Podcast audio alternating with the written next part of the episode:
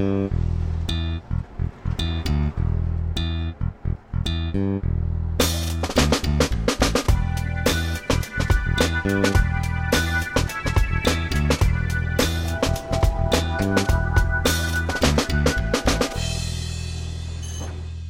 Witam serdecznie, Bartosz Jakubowski, węzeł przysiadkowy. W trochę spóźnionym odcinku dzisiaj specjalny korespondent Adam Sito. Witam cię serdecznie, Adamie. Cześć. Adam, jesteś geografem inwestycyjnym, zajmujesz się planowaniem inwestycji, uzyskiwaniem pozwoleń środowiskowych, planistycznych, wodnoprawnych. Czyli można powiedzieć, robisz tą brudną robotę, której w zasadzie nigdzie tego nie widać. Jak jest budowana droga, to wylane asfalt, barierki, wiadukty widać, a pozwoleń nie widać.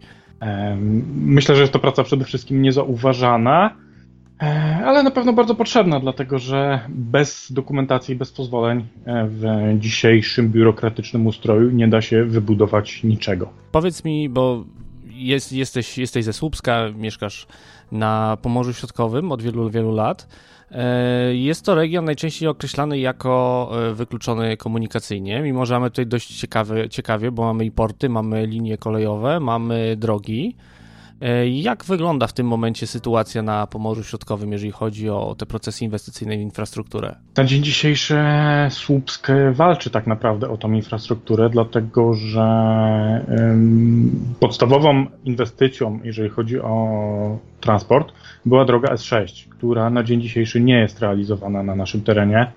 E, zrealizowano odcinek od Szczecina do, w zasadzie od Goleniowa do Koszalina. Budowana jest obwodnica Koszalina, która nie jest jeszcze w pełni oddana, a odcinek między Koszalinem a Słupskiem i od Słupska do Lęborka jak na razie jest tylko w planach i w przetargach. A co sądzisz o pewnej propozycji, która pojawiła się jakiś czas temu, żeby fragment drogi S6 był realizowany w formule partnerstwa publiczno-prywatnego, bo taki, taką obietnicę już usłyszeliśmy z ust ministra Adamczyka jakiś czas temu.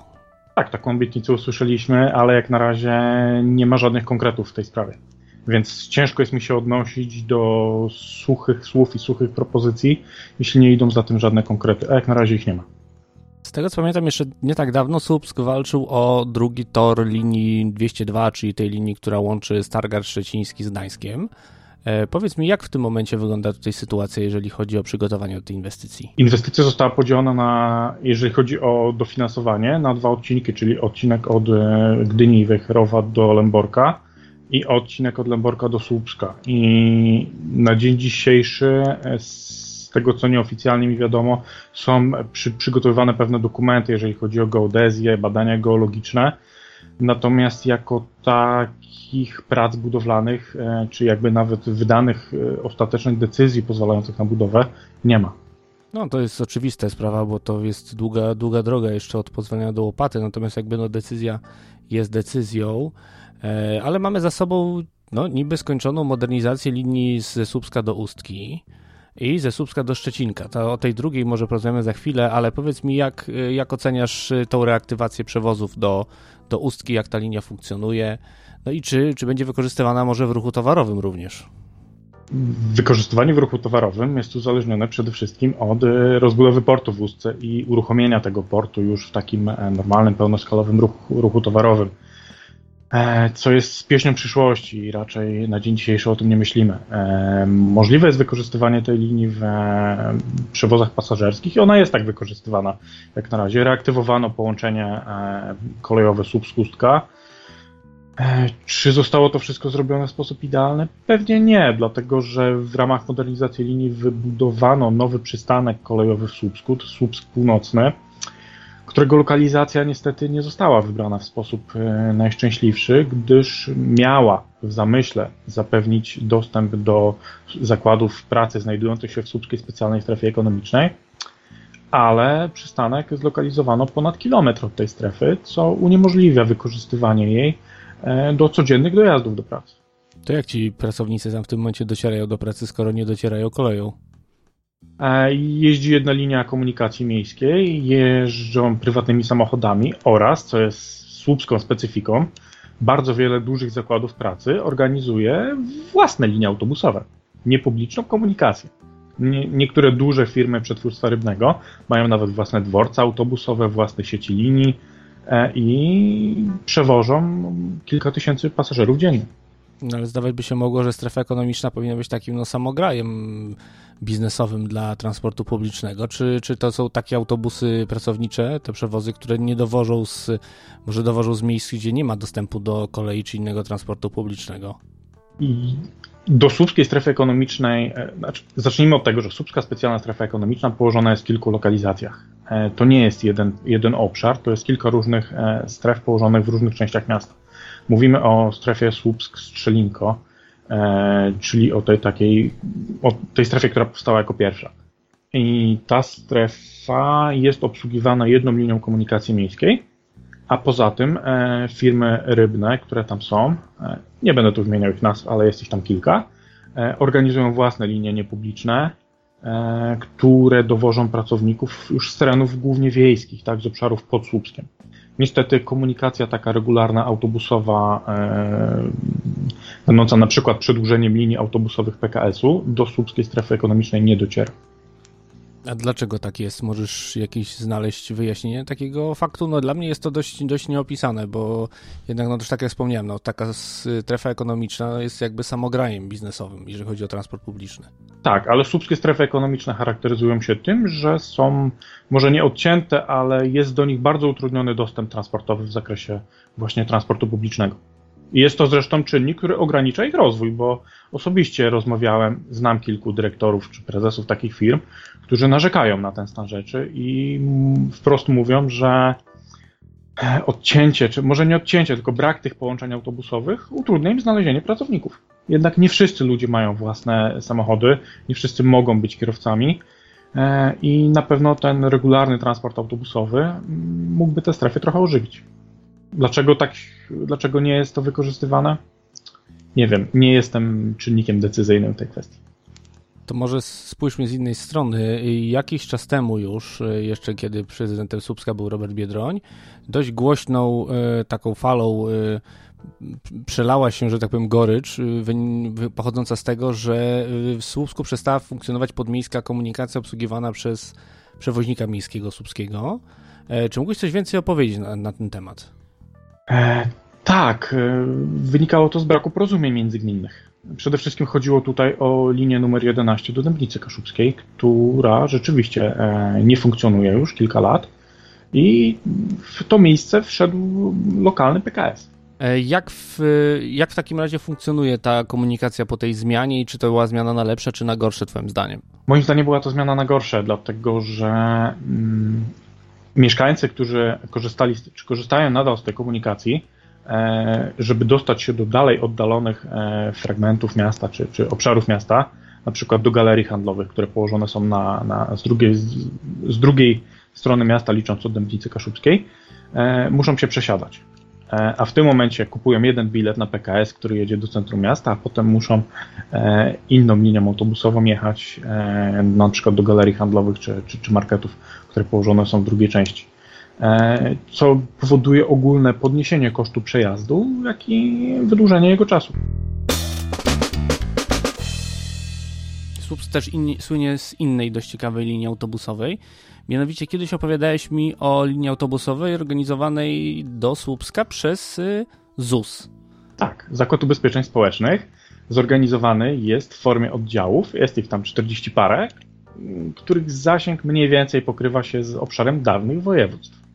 E, mamy w Polsce taką jednostkę podziału administracyjnego, której de facto nie ma, ale która w praktyce jest, czyli okręgi.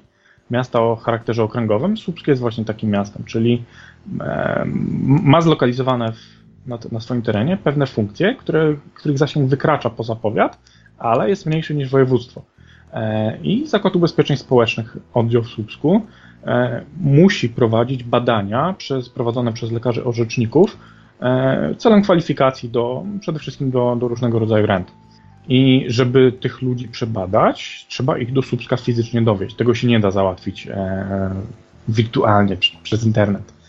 A żeby tych ludzi dowieść z Kojnic, ZUS musiał organizować, czy, czy musi do dzisiaj organizować własne linie autobusowe, bo nie ma żadnego publicznego przewoźnika, który prowadziłby regularne połączenia z Chojnic przez Człuchów do Słupska. Jest to dość zagadkowe. Myślę, że większość słuchaczy do tej pory nie słyszała o, o takich liniach. Rozumiem, że ten transport od dłuższego czasu funkcjonuje i y, właśnie, czy ktoś po stronie może skorzystać z takiego autobusu, czy to są jakieś zapisy, to jest w jaki sposób? Z tego, z tego co wiem, trzeba mieć skierowanie na badania e, wystawione przez ZUS, więc na dzień dzisiejszy e, jest to traktowane jako linia niepubliczna. Jest, jest to doprawdy zjawisko, e, zjawiskowe, że tak powiem. Powiedz mi jeszcze taką rzecz, jak w, w tym jakby okręgu słupskim, jak to ładnie ująłeś, y, czy wprowadzenie y, ustawy Lex PKS o Funduszu Rozwoju Połączeń Autobusowych zmieniło istotnie obraz transportowy tego, tego miejsca, tego, tej okolicy? Moim zdaniem nie. W Słupsku akurat jeszcze PKS i kilku prywatnych przewoźników, którzy nie chcę używać określenia, że podzielili się liniami, ale de facto tak to wygląda, e, że PKS funkcjonuje na wybranych liniach. E, jeden przewoźnik funkcjonuje też na przykład na kierunku kempickim, inny przewoźnik funkcjonuje na kierunku Główczyc. Więc de facto ten rynek jest w jakiś sposób podzielony i uregulowany i Lex PKS niewiele tutaj zmienia. Wróćmy może do tematu portów USC. Czy w ogóle planowana jest, y, planowane jest w ogóle większe wykorzystanie tego portu y, właśnie do, do jakichś przewozów, y, czy to masowych, czy, czy w ogóle do, do czegokolwiek innego niż jako port rybacki?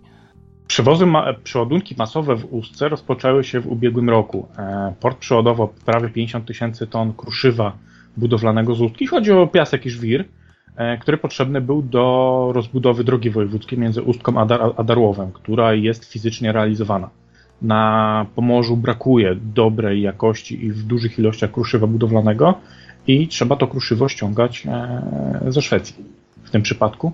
I właśnie za pomocą transportu morskiego ten piasek i żwir został dostarczony. E, ale to jest taki, że tak powiem, jednorazowy e, transport, jednorazowa sytuacja wynikająca z prowadzonych prac budowlanych. Natomiast docelową funkcją portu morskiego w Ustce po jego planowanej rozbudowie jest obsługa morskich farm wiatrowych, które będą zlokalizowane wokół Ławicy Słupskiej. I geografia e, transportu, czyli położenie tych planowanych morskich farm wiatrowych, wskazuje na to, że najbardziej korzystnym po prostu e, dostępem do tych farm charakteryzuje się port w Ustce. Jest to e, o tyle ciekawe, że trzeba powiązać rozbudowę portu w Ustce z programem 100 obwodnic, który ogłosił niedawno rząd i w ramach tego programu stu, budowy 100 obwodnic jest planowana nowa, druga obwodnica Słupska, która omija miasto. I ta obwodnica, oczywiście nikt tego oficjalnie nie mówi, ale de facto ma służyć temu, żeby być w stanie przetransportować z głębi kraju e, wielkogabarytowe elementy tych morskich turbin wiatrowych właśnie do portu w Ustce. Na dzień dzisiejszy, dzisiejszy przebieg drogi krajowej 21, tak zwany ring miejski w Słupsku, uniemożliwia e, transport tego rodzaju i tego, tej wielkości ładunków. A dlaczego tak to ująłeś, że o tym się głośno nie mówi? Czy jest jakiś sprzeciw społeczny wobec e, takiego rozwiązania? Nie, nie ma sprzeciwu. Jak najbardziej mieszkańcy tutaj na tym skorzystają. W żaden sposób nie będą ponosić negatywnych e, skutków oddziaływania tych farm wiatrowych, dlatego że one będą daleko na morzu, one będą nawet niewidoczne z lądu, więc nie będzie nawet oddziaływań krajobrazowych. Natomiast Dlaczego się o tym oficjalnie nie mówi? Nie wiem. Nie chcę zgadywać. E, mówiłeś o planowanej rozbudowie tego portu, ale też mówiłeś o tym, że ten jednorazowy strzał przeładunkowy, jeżeli chodzi o kruszywa, no był niestety jednorazowy. Jak, jak wygląda perspektywa tego, że ten port będzie poza tą, tymi fermami wiatrowymi obsługiwał również inne przeładunki, inne ładunki? Zapotrzebowanie na przewozy towarowe e, w ruchu morskim na Pomorzu Środkowym jest na przykład duży zakład produkcji drzewnej, który zlokalizowany jest w Szczecinku, mógłby e, przywozić przez port w Ustce duże ilości zrębki drzewnej, głównie z kierunków e, wschodnich i północnych. Więc takie, takie możliwości są. Zakłady rybne, które e, funkcjonują w okolicy Słupska, a jest ich naprawdę dużo i ich ilość rok, co roku rośnie, są nastawione na surowiec rybny pochodzący głównie z Norwegii i Islandii, który do Polski także trafia przez transport morski ale na dzień dzisiejszy do portów, e, w, głównie w Trójmieście, częściowo także w Szczecinie i Świnoujściu. I ten transport mógłby być skierowany do portu w Ustce, ale ten port musi być najpierw wybudowany. Jak na razie są to tylko i wyłącznie prace projektowe. Można liczyć na to, że one się kiedyś skończy i przekują się w e, buldożery, koparki i inny ciężki sprzęt, który jednak ten port rozbuduje, wybuduje? Mam nadzieję, że tak. W zasadzie jestem pewien, że to nastąpi, dlatego że Polska krytycznie e, potrzebuje energii pochodzącej z morskich farm wiatrowych, a bez portu w Ustce te inwestycje są po prostu zagrożone. Więc jestem pewien, że ten port powstanie. Miejmy nadzieję. A czy widzisz jakąś e, szansę dla portów na Pomorzu Środkowym, żeby obsługiwały na przykład ładunki skonteneryzowane? Czy to w ogóle nie wchodzi w grę? Jeżeli chodzi o kontenery, to tak naprawdę na dzień dzisiejszy nie ma żadnego portu morskiego, który byłby w stanie te ładunki obsługiwać. Być może taka możliwość będzie po rozbudowie portu w Ustce, dlatego że w ramach drugiego etapu rozbudowy planowana jest budowa obrotnicy dla statków o długości do 200 metrów. Statki 200-metrowe już mogą przewozić kontenery. Czyli byłaby szansa na kolejny przyczółek na intermodalnej mapie Polski w tej sytuacji. Tak, jest taka możliwość, żeby Słupsk był centrum transportu intermodalnego, ale to wymagałoby synchronizacji e, tego transportu morskiego z transportem kolejowym i na przykład budowy bocznic kolejowych do podstref ekonomicznych, które są wokół Słupska. A władze miasta takich planów na razie nie mają.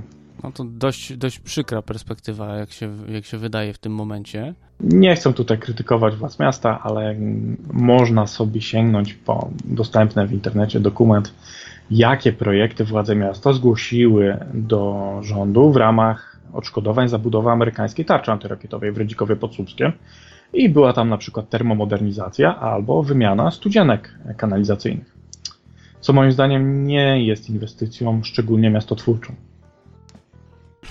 przyznam, że, że mnie zatkało, jeżeli chodzi o um, tę inwestycję mającą być rekompensatą za tarczę antyrakietową. A czy tak. mógłbyś wspomnieć, jak kwestia y, tarczy antyrakietowej w Redzikowie wpływa na ten transportowy krajobraz Słupska i Pomorza Środkowego?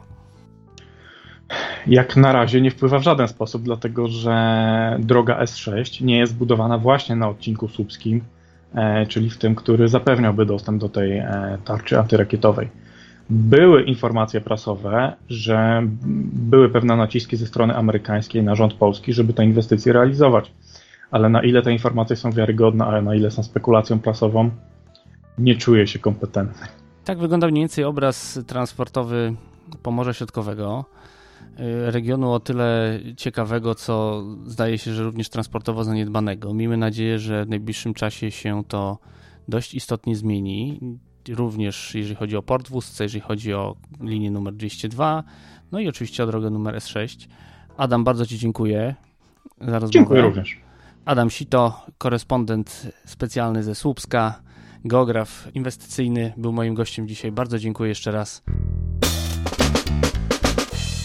Na zakończenie tradycyjne podziękowania dla wszystkich patronów podcastu, a w szczególności dla Piero, Pawła Zegartowskiego, Pawła Szczura, Roberta Błauta, Tomasza Tarasiuka, Moniki Stankiewicz, Kuby Czajkowskiego, Pawła Łapińskiego, Barnaby Turek, Andrzeja Kaszpira Kaźmirowskiego, Petera Janciowicia, Jana K., Jerzego Mackiewicza, Piotra i Jakuba Kucharczuka. Jeżeli chcecie dołączyć do grona patronów, zapraszam na patronite.pl przesiadkowy, a na następny odcinek już za tydzień. Do usłyszenia.